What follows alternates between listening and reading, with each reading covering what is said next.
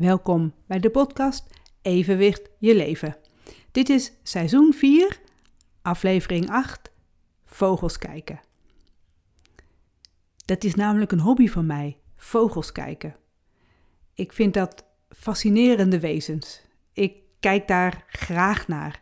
En helemaal ook als ik ze wat beter leer kennen de namen leer kennen, maar ze ook dus leer herkennen. Op allerlei manieren. Dat kan zijn dat ik ze in de vlucht herken of als ze ergens zitten, of aan het vogelgeluid.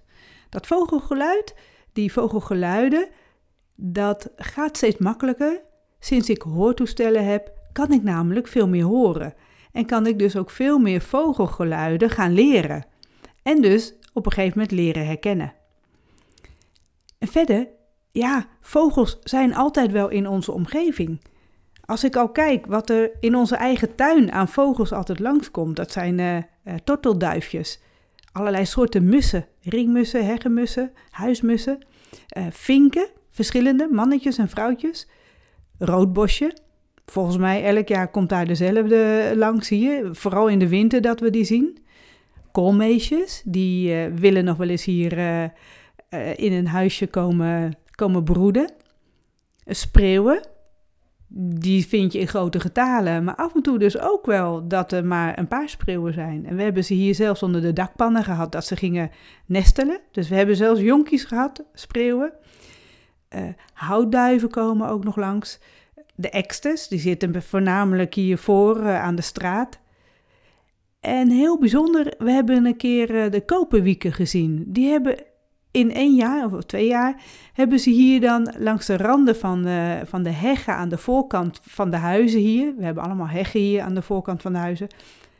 En daar liepen ze aan de onderkant langs. In de herfst neem ik aan, zo in het najaar. En de eerste keer dat ik die vogels zag, dacht ik, wat is dat nou? Dus ik ben gaan opzoeken en dat waren dus koperwieken. We hebben ook in onze eigen tuin op de muur uh, de gekraagde roodstaart wel eens gezien. Uh, we hebben een keer een bonte specht gevonden. Die was waarschijnlijk tegen het raam aangevlogen. Alleen is gek dat hier een bonte specht komt. Dus ik denk dat hij helemaal verdwaald was. En die hebben we begraven in onze tuin.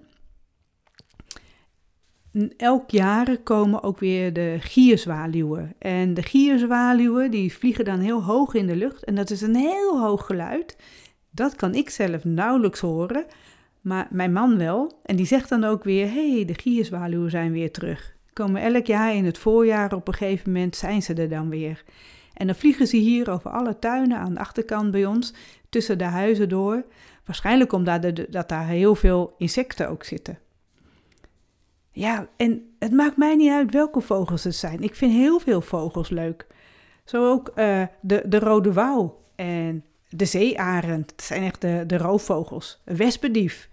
Vind ik ook echt heel fascinerend. Het verschil ook tussen een wespendief en een buizerd. De buizerd, die zien we echt heel vaak. Die zit ook heel vaak op paaltjes en zo. En heel af en toe, die zit niet op paaltjes, maar is daar dus een wespendief in het veld. Uh, de kiekendieven, die zie je ook aan, aan de vlucht. Hoe die, hoe die zweven zo over, over het land, heel laag over, uh, uh, over het land heen. Dan herken je dus dat het de kiekendieven zijn. En degenen die mijn boek kennen, Evenwicht in Uitvoering, die zullen wel gezien hebben dat daar verschillende afbeeldingen in staan over vogels. En dat is dus niet zo raar als je als hobby hebt vogels kijken. Wat ik zelf ook uh, heel leuk vind, dat zijn uilen. Ik verzamel allerlei soorten uiltjes op allerlei manieren. Houten uiltjes, stenen, uh, van glas, uh, groot en klein. En in mijn hele huis staan wel uiltjes. En ik heb ook, ja, uh, een beetje een voorliefde wel voor de, voor de steenuiltjes. Kleine uiltjes.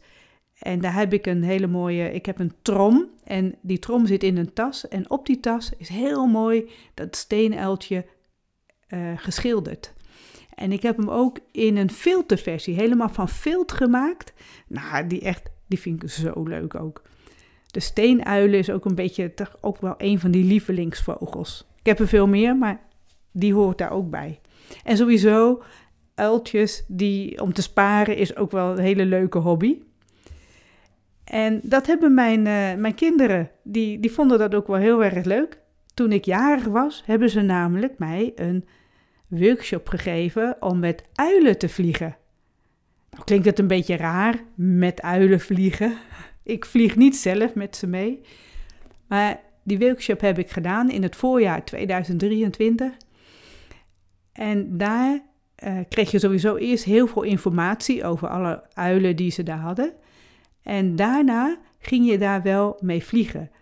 Elke dag gaan zij met die uilen om ze dus, uh, ja, die, ze moeten vliegen.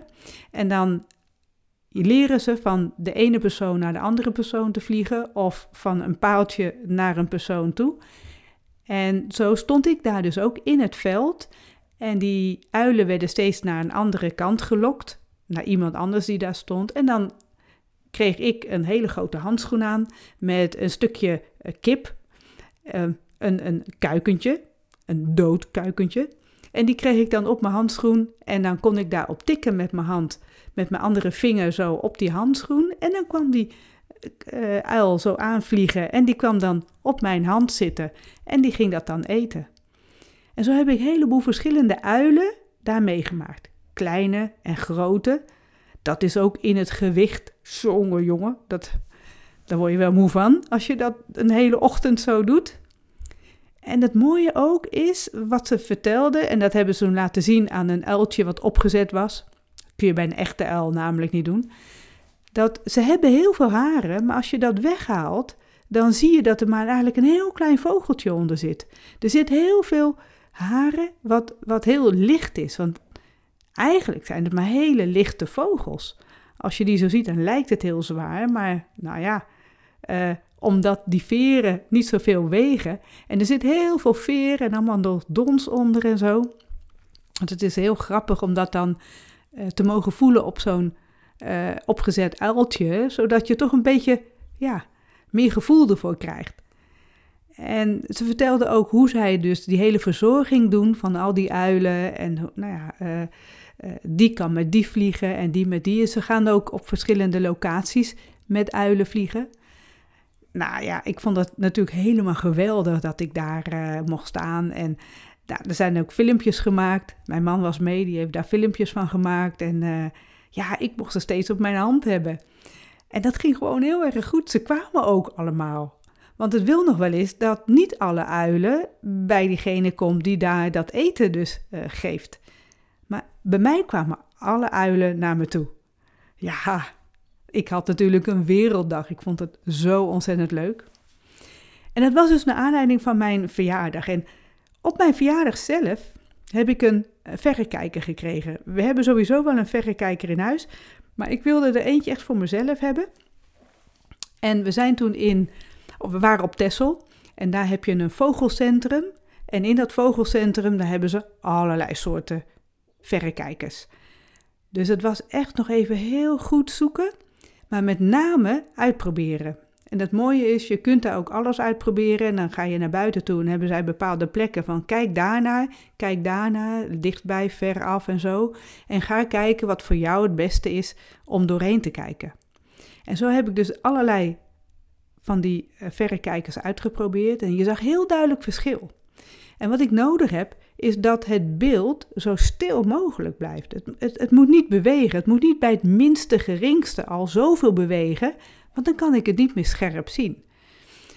Dat is dan ook wel een wat duurdere verrekijker geworden, die, uh, die ik toen voor mijn verjaardag kreeg, die ik uitgekozen heb. Alleen ik ben er wel heel blij mee. Hij is niet zo heel groot, maar wel zo dat ik daar heel goed doorheen kijk en een heel scherp beeld heb. Het bijzondere is ook, als we dan ook weer onze andere verrekijker erbij pakken, dan zie je ook daar heel duidelijk het verschil tussen. Dus ik ben heel blij met deze. En daarmee ga ik heel graag vogels kijken. Afgelopen periode hebben we dat niet zo heel vaak gedaan.